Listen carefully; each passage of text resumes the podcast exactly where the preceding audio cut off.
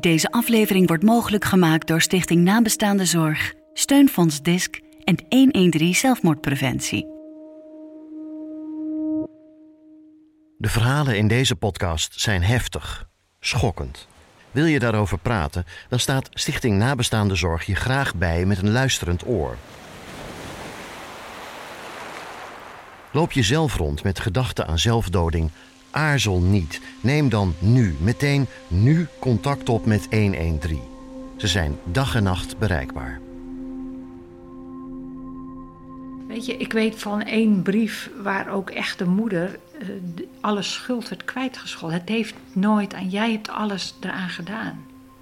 En dat krijgen, dat is, dat is ook mooi als je, ook al voel je het misschien zelf niet zo, dat jouw kind zegt: Maar mam, jij hebt er alles aan gedaan. Hè, dan daar ook nog voor bedankt wordt zelfs. Poeh. 113 Zelfmoordpreventie heeft als missie dat niemand eenzaam en radeloos mag sterven door zelfmoord. Zij zijn ervan overtuigd dat er jaarlijks honderden zelfmoorden meer kunnen worden voorkomen. Daarvoor moet zelfmoord beter bespreekbaar worden, ook al is dat voor familie en hulpverleners soms moeilijk. Maar hij vindt het ook heel lastig, omdat hij. Uh, ja, hij praat gewoon minder over zijn gevoelens. En dat uh, vindt hij dan gek dat ik, althans gek, moeilijk, misschien anders, dat ik dat wel doe en dat ik er op die manier iets mee probeer te doen.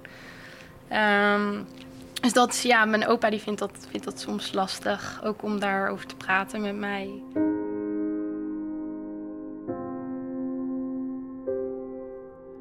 En wanneer je dan wordt geconfronteerd met de pijn door het verlies van een dierbare, hoe kom je dan weer overeind? Maar eigenlijk is rouw heel grillig. En we zoeken naar, uh, naar steunpunten daarin. Hè? Dus die fasen die er zijn, of de taken, of welke vorm we dan ook nemen. En die zijn ook nuttig, want daar kun je ook al vast aan hebben. Maar niet dat ze altijd in die volgorde gaan. En, en, mensen gaan heen en weer. En uh, eigenlijk is een, een, een, een mooie manier, een goede manier van rouwen. En dat, ook dat is weer voor iedereen verschillend. Van de ene keer met het verdriet bezig zijn en de andere keer met de andere dingen van het leven.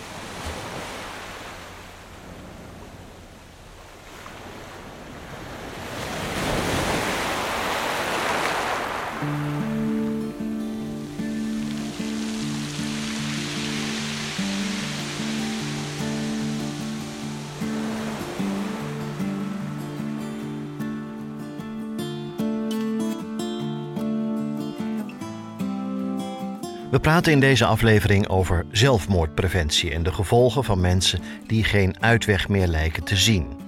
Wat kunnen wij als maatschappij nog meer doen om zelfmoord bespreekbaar te maken? Hoe kunnen we het taboe van dat onderwerp afhalen, zodat mensen die denken aan zelfmoord gemakkelijker de weg vinden naar bijvoorbeeld 113? Want er zijn meer oplossingen dan mensen soms denken. We praten daarover met ervaringsdeskundigen, deskundigen en een hulpverlener van 113. En we praten met mensen die rouwen om een dierbare die zij verloren aan zelfmoord. Hoe gaan zij om met het rouwproces? Hoe pak je zo'n rouwproces aan? En wat hebben zij nodig om de draad weer wat op te kunnen pakken?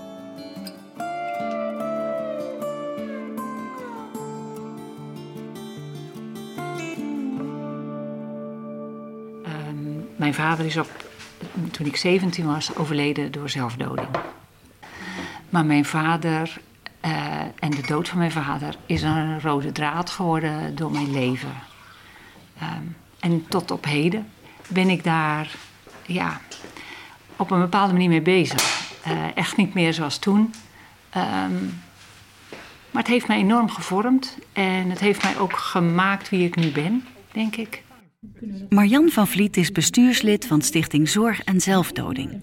Haar verhaal is openhartig, indrukwekkend. In deze aflevering hoor je wat ze meemaakte, maar vooral wat het haar heeft gebracht. Tegenwoordig brengt ze lotgenoten bij elkaar. Mensen die iemand verloren aan zelfdoding. Op zaterdagen komen ze bij elkaar. Ik denk dat het zoiets is als naar een volkstuin gaan. Die lui blijven ook maar lullen. Ja na jaar. Ja, maar, je gaat naar een volkstuin om onkruid te roeien, te, te rooien. Je gaat naar die volkstuin om water te geven. Je gaat naar die volkstuin om te zorgen dat, dat wat er gedijen moet, gedijen kan. Ja. En dat je al de rotzooi eruit haalt. Dat is wat wij hier Maar doen. ook om het samen te doen. Ja. Een soort plezier aan te hebben, elkaar te zien. Lotgenoten, ervaringsgenoten. Er worden meerdere termen gebruikt, maar ze zijn vooral de nabestaanden van iemand die ervoor koos om uit het leven te stappen. Mensen die een plek hebben gevonden waar ze hun verhaal kunnen delen. Mijn vader was een hele gesloten man. Dus we praten wel over de dingen, zeker. Maar hadden we het nou over hoe is het nou? Hoe moeilijk is het? Daar hadden we het dus niet over. Hele gesloten, verlegen, eh, zachte vader had ik. Marjans vader nam op zijn 21ste de boerderij, het familiebezit, over van zijn vader die jong aan TBC. De boerderij zou eigenlijk overgaan op zijn oudere broer. Die kon, door oorlogstrauma uit de Tweede Wereldoorlog, de verantwoordelijkheid voor de boerderij niet aan en dus deed Marjans vader dat. Achteraf bleek voor hem het boerenleven te zwaar. Mijn vader moest besluiten nemen en mijn moeder was ziek. En mijn vader had daar eigenlijk geen oog voor. Hij had er wel oog voor, maar hij kon er niks mee. En daar nou, liepen wij als zussen mijn moeder te be- beridderen. Wij kookten dan en wij, nou ja, deden dat een beetje daaromheen verzorgen. Dus hij, er waren zoveel dingen die hem eigenlijk in de weg zaten. En hij, hij, hij raakte eigenlijk steeds verder. Ehm, hij ging slecht slapen. Hij ging, hij ging roken, had nooit gerookt. Hij ging ineens roken. Eh, hij, ja, hij veranderde.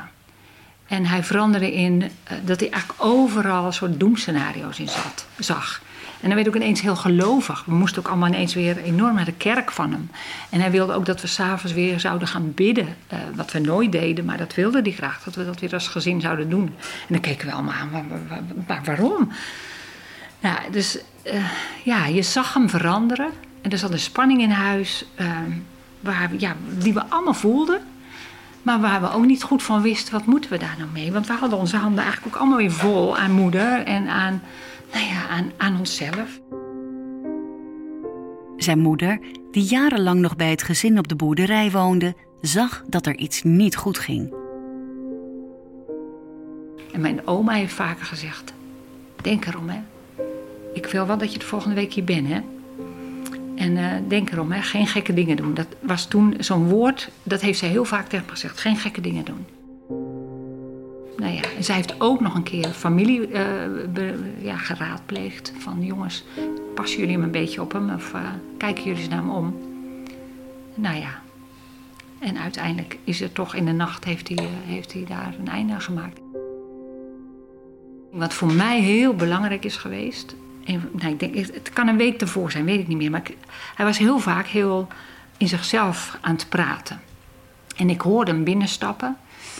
En ik hoorde hem in zichzelf praten. Dat hij, toen zei hij, we gaan allemaal naar de verdommenis. Zei hij. We gaan allemaal naar de verdommenis. En ik stond, dat kwam, dat drong tot mij door. Ik stond in de keuken. En ik stond daar te huilen. En hij kwam binnen en hij zag mij huilen. En toen heeft hij me zo beetgepakt. En toen, nou ja, ik, ik, zou het eigenlijk ook niet meer weten. Het enige wat ik tegen een beetje tegen hem aan heb gezegd... pap, we komen hier gewoon uit. Dan verkopen we toch de boel, zei ik tegen hem. Dan gaan we hier toch gewoon weg. Wat maakt het uit? We, we gaan gewoon door. We gaan niet naar de verdommenis. Dat is het enige wat ik gezegd heb. En hij hield me maar vast. En hij hield me maar vast. Maar dat heeft mij toen heel erg goed gedaan. Dat was een soort cadeau van hem of zo. Hij heeft mij daarmee, ik weet niet, een soort, eh, ja. En uiteindelijk is hij, nou ja, een paar dagen later eh, was dat klaar, zeg maar, met het leven van hem. Ja, moet ik dat nou zeggen? Ja, ik, ja, echt omarmd, maar ook als soort onschuldigd of zo. Van, ik weet het niet. Straks horen we meer van Barjans verhaal. Als jij ook zit met gedachten aan zelfmoord, aarzel dan niet en bel meteen met 113 zelfmoordpreventie. Dat kan letterlijk op elk moment van de dag en nacht. Het kan dus ook nu. Iemand van 113 kan je te woord staan via de hulplijn en de chat. Bij 113 geven ze voorlichting, ze doen onderzoeken, ze hebben coaching en begeleidingsprogramma's. Alles om er te voorkomen dat mensen zomaar zelf uit het leven stappen. Melissa is 28. Ze was een van de hulpverleners die zich als stagiaire aanmeldde. Uitgebreid werd ze getraind en ze ging de lijn op. En ook Melissa heeft haar eigen verhaal. Nou ja, voor ons kwam het heel onverwachts, zijn overlijden. Ehm, we wisten dat hij het zwaar had en dat het met name zwaar was op zijn werk.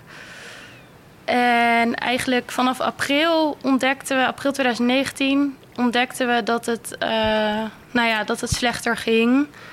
En toen tijdens een wandeling met mijn opa hadden we besloten van jij gaat het gesprek met hem aan en ik ga het gesprek met hem aan. En dan gaan we kijken of er nog hulp ingeschakeld moet worden. En eigenlijk uh, was dat al te laat, want op 6 mei is hij uh, toen overleden.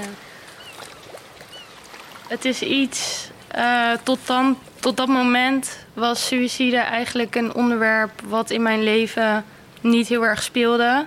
Ik had een jongen op de middelbare school en iemand van mijn studentenvereniging. Maar goed, die stonden allemaal nog best wel ver van me af. En als je dan aan je eigen familie denkt, dan dacht ik in ieder geval van dat, dat komt in mijn familie niet voor. En ja, dan gebeurt er zoiets. En dan denk je, het kan eigenlijk in elke familie gebeuren. Melissa's vader liet geen briefje achter. Iets wat het voor familie en vrienden extra moeilijk kan maken om antwoord te vinden op alle vragen die ze hebben. Wat we weten is suïcide ook een uh, breed probleem. Dus er is niet één aanleiding. Maar um, ja, we gaan ervan uit dat de burn-out uiteindelijk de doorslag heeft gegeven voor hem.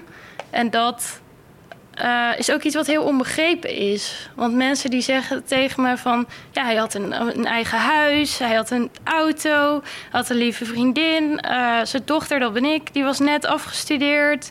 Hij had alles. En er zijn zoveel mensen die voor dit leven getekend zouden hebben. En dat maakt het ook voor anderen en, en voor mezelf ook heel moeilijk te grijpen. Van wat is er nou gebeurd in zijn hoofd, waardoor hij die uitweg niet meer heeft gezien. En ja, dat is iets dat houdt me tot vandaag nog bezig. En ik denk dat ik dat misschien totdat ik zelf doodga wel bezig houd. Melissa voelde zich extra gesterkt om iets te kunnen betekenen voor anderen. En dat werd besproken met de recherche van 113. Ik uh, voelde me ontzettend machteloos. Na wat er gebeurd was. Dat ik dacht, ja, ik... Weet je, als hij een hartaanval had gehad, had ik het niet kunnen verhelpen. Want dan was het een lichamelijk falen geweest. En bij een, ik noem het altijd maar even geestelijk falen... daar was nog zoveel mogelijk in zijn... Zeker in zijn situatie. Want hij had geen uh, hulp binnen de GGZ... En dat, dat machteloze gevoel, dat wilde ik omzetten. Want ik dacht, ik kan wel iets betekenen. Niet meer voor mijn eigen vader, maar wel voor nog zoveel andere gezinnen die uh, dezelfde problematiek meemaken. En toen ben ik eigenlijk gaan kijken van, kan dit vanuit mijn opleiding? Kan dit vanuit 113? Nou ja, dat bleek allebei te kunnen. En toen uh, ben ik op gesprek gegaan. En eigenlijk de doorslag daarvoor gaf dat de eerste kennismaking bijeenkomst, dat was op zijn eerste sterfdatum. En dat was voor mij zo toevallig dat ik dacht, ja, dit, dit kan niet toevallig zijn, dit moet ik doen. Na uitgebreide begeleiding en ook een beetje koudwatervrees na het eerste telefoontje, vindt ze haar weg op de hulplijn. Af en toe helpt het tijdens een gesprek dat ze weet hoe het is om iemand te verliezen aan zelfmoord. Ja, ik denk dat het er automatisch wel in zit. En ik probeer mijn ervaring ook eigenlijk altijd op de achtergrond te houden. Dat mensen, dat ik niet zeg maar op de stoel van de hulpvrager ga zitten. Uh, maar ik heb ook wel eens iemand gehad die zei: Ik voel me zo onbegrepen. Want uh, nou, een van diegene's ouders was uit het leven gestapt. En ik heb het idee dat, dat niemand dit meemaakt. En ja, en toen heb ik uh, natuurlijk heel zorgvuldig wel gedeeld van goh, hè, ik begrijp je gevoel en ik uh, weet dat het misschien moeilijk is om dit te horen. Maar ik ben ook een ouder verloren aan uh, zelfdoding. En ik merkte dat het gesprek toen ook wel kantelde. Want diegene voelde zich even gehoord door iemand die hetzelfde had meegemaakt. En ja, ik merkte dat ja, dat lotgenotencontact, dat dat eventjes was wat diegene op dat moment nodig had. Eh, voor mijn gevoel.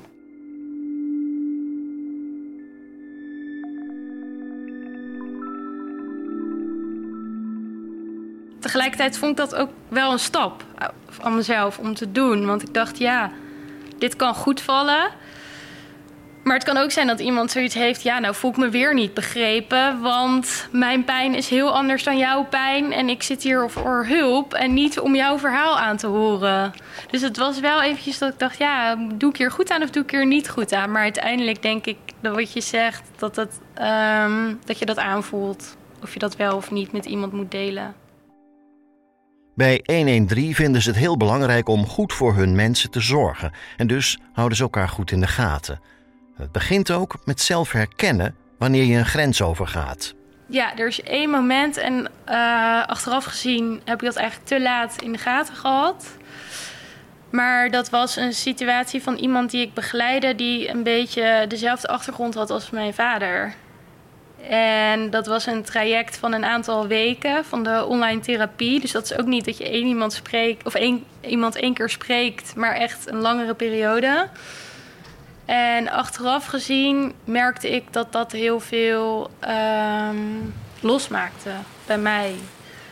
Uh, ja, dat, dat vond ik wel heel zwaar eigenlijk om dat te merken. Dat ik dacht, oh ja, daar, dat is misschien nog een stapje te ver geweest.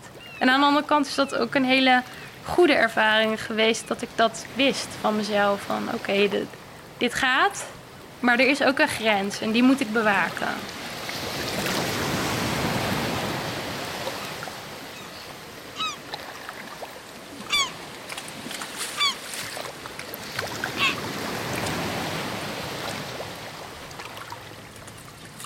In je werk en ook in je privéleven kun je mensen ontmoeten die zelfmoordgedachten hebben. De Gatekeeper training van 113 leert je hoe je die gedachten bespreekbaar maakt. De training leert je hoe je veiligheid inschat en hoe je iemand kunt stimuleren om hulp te zoeken. Er worden ook trainingen aangeboden aan de mensen die zelf bellen met 113. De online therapie is, um, dat is een therapie van ongeveer 8 tot 10 sessies, dus 8 tot 10 weken ook. Uh, waarin je gaat kijken met een hulpvrager waar zijn of haar zelfmoordgedachten vandaan komen. En hoe je een veiligheidsplan met elkaar kunt opstellen. En eigenlijk uh, kunt kijken naar wat heeft iemand nodig zodat als wij de therapie afsluiten, hij of zij zelfstandig um, weer verder kan in het leven en weet wat hij of zij moet doen als die gedachten naar boven komen. Dus het is eigenlijk gericht op de ja, korte, lange termijn, noem ik het maar even. Dat ze weten hoe ze met die gedachten om kunnen gaan. En ook weten dat die gedachten er mogen bestaan, maar dat je er iets tegen kunt doen als, het, als die gedachten omhoog komen. Steeds vaker komt bij de gesprekken in 113 de impact van sociale media terug. Vooral jongeren worden geraakt door wat ze zien. Andere jongeren die altijd vrolijk zijn, er altijd perfect uitzien en op het oog een geweldig leven hebben. Een plastic beeld van wat er in werkelijkheid vaak helemaal niet is. En dat beeld wordt zonder dat jongeren er zelf erg in hebben een voorbeeld. Um, ik denk onder jongeren vooral echt het sociale contact, wat ze het afgelopen jaar hebben moeten missen. Dat de scholen dichtgingen en dat ze dat waren vaak al wel jongeren die dan al uh, moeilijke gedachten hadden, waarbij het verergerd is. Omdat ze dus ook niemand anders hadden om mee te sparren. Ja, en jezelf ook staande houden in die veranderende maatschappij. Want ja, die verandert heel snel. En als ik eventjes een voorbeeld neem, bijvoorbeeld Instagram. Ja, daar lijkt het alsof iedereen een perfect leven heeft. Althans, dat is natuurlijk heel grof gezegd, maar zo lijkt het wel. En dan moet je voor jezelf wel heel sterk kunnen zijn om te zeggen van... oh ja, maar er wordt maar een deel van iemands leven daar geplaatst. Weet je, er zijn ook... Nou ja, Marieke Elsinga die plaatste vorig jaar een foto dat ze aan het huilen was. En dat vond ik eigenlijk heel krachtig. Dat ik dacht van ja, weet je, zo is... Dat is de andere kant van haar leven. En ik denk dat we dat misschien, zeker de jongere generatie, nog wel eens vergeten. Dat we alleen denken, oh, iedereen's leven is perfect. Maar mensen maken ook nare dingen mee. En bij iedereen in zijn leven overlijdt helaas wel iemand.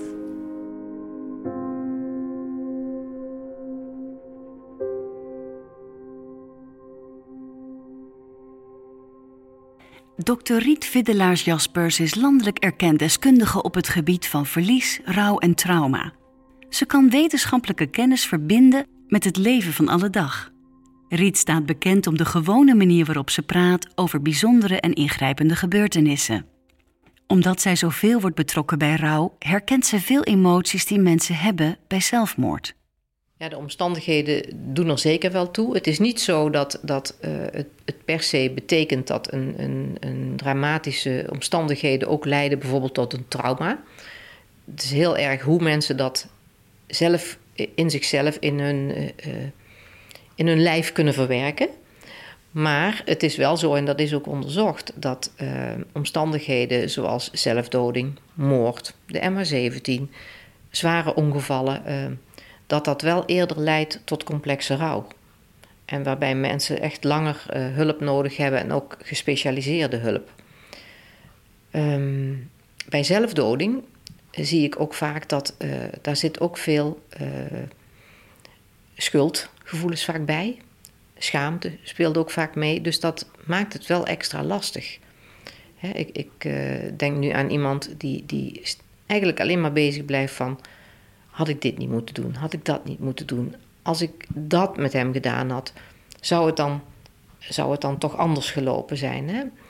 Dus mensen hebben ook vaak het idee dat ze heel veel invloed hebben op wat die andere persoon gedaan zou hebben of, of doet. En die invloed is vaak veel kleiner, maar mensen willen graag de controle hebben. Dus dat is een manier om te kijken: had ik iets kunnen doen? Had ik het kunnen voorkomen?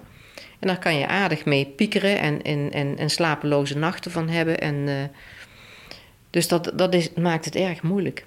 En het tweede, um, ook schaamte en, en, en, en het idee dat mensen naar je kijken en je de schuld geven. Dat komt nog alles voor in gezinnen. Dat heb ik veel meegemaakt. Ook vooral toen ik met. Uh, met die, ik heb toen in de tijd een boek geschreven over jongeren en zelfdoding, jongeren als nabestaanden. En dat kwam heel vaak voor dat, dat ouders uh, het niet zo goed meer met elkaar konden vinden. Eigenlijk het scheidingsproces in gang gezet hadden. Dan zat vader bijvoorbeeld al op de camping in een huisje en. Uh, uh, nou ja, weet je, en, en dan maakte hij een einde aan zijn leven. En dan zei de, de familie van vader: Ja, weet je, maar als, hier die scheiding niet, als jij niet weg was gegaan bij je man, dan, dan was dit niet gebeurd. En dan kreeg moeder de schuld en dan werd een heel gezin soms afgesloten dus dat, dat, dat maakt het extra lastig als mensen, als je denkt van mensen geven mij de schuld, of mensen doen dat ook letterlijk. Of schaamte omdat je, ja, hoe kan dat in mijn gezin gebeuren? Wij leken altijd zo goed met elkaar overweg te kunnen, het idealen stellen. En nu, uh, nu blijkt dat niet zo te zijn.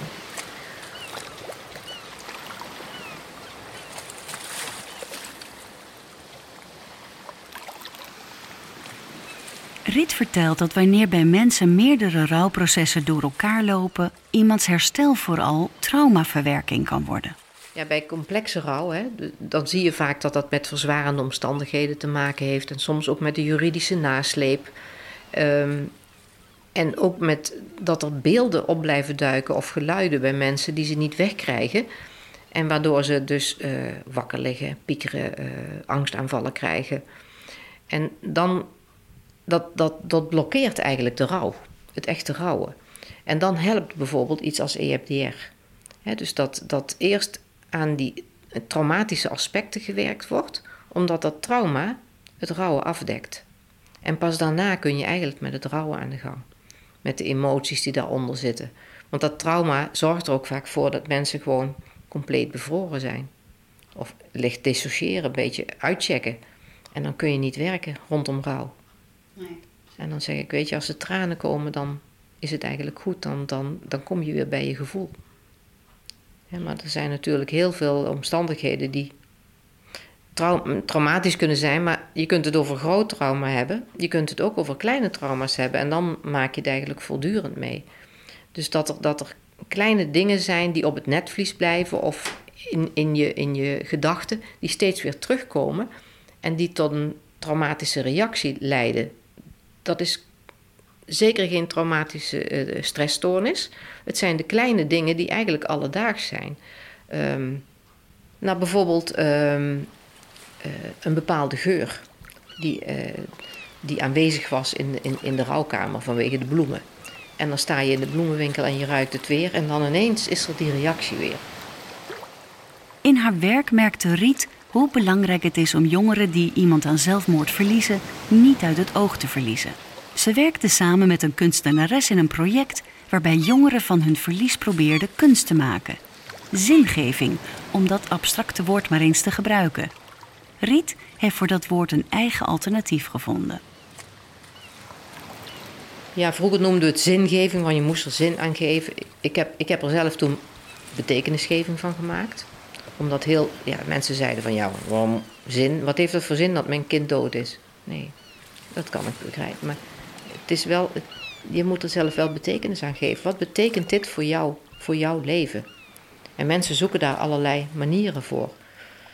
Ik heb in de tijd eh, veel gedaan met jongeren en zelfdoding, jongeren als nabestaanden. En toen heb ik ook een boek gemaakt samen met Monique van het Erven. Samen met een stuk of vijftig jongeren hebben daaraan meegewerkt. En wat zo mooi was en zo krachtig was, is dat ze dan ook zeggen van... ja, we hoeven al die praatjes van, van deskundigen niet, laten het ons maar zelf doen. En er, er was ook een jongen bij, hij heette Pieter. En uh, zijn moeder was door zelfdoding om het leven gekomen op een manier waardoor heel dat dorp dat wist. En, en hij hoefde echt geen hulp te hebben. Maar hij zei: Weet je, als ik andere jongeren kan helpen, dan werk ik mee. En ze wilde ook zelf de tekeningen maken. En uh, zegt: Nou, teken maar. Weet je niet. En binnen vijf minuten had hij een tekening op papier staan. Hij staat ook in het boek. En daar zag je uh, drie keer een, een, jongenshoofdje met één keer de handen voor de ogen, één keer de handen voor de mond en één keer voor de oren. Dus de, de, drie aapjes. En hij zei: Ja, ik wil er niet over praten, ik wil er niks over, over, over, over zeggen en, en ik wil er ook niet naar kijken. Maar het was precies natuurlijk een tekening die paste waar andere jongeren herkenbaarheid in hebben. En uh, waar we ook heel veel aan hadden. Maar een aantal van die jongeren zijn ook jaren daarna zochten ze wel weer eens contact op en hadden goede herinneringen aan dat boek. En dan merk je ook dat ze soms daar ook mee verder gegaan zijn. Of ze zijn de hulpverlening ingegaan, of ze. Uh, eentje die is een, een, een, film erover gaan maken. Dus ze, ze zijn allemaal ook bezig om zelf betekenis te geven aan die situatie die zij toen meegemaakt hebben. En dat, daar zit ook een kracht. Dat je niet bij de. Uh, erbij neer blijft zitten, hoe moeilijk het ook is. Dat is ook een hele tijd moeilijk, maar dat je zegt van nou, hoe kan ik er ook iets betekenisvols van maken?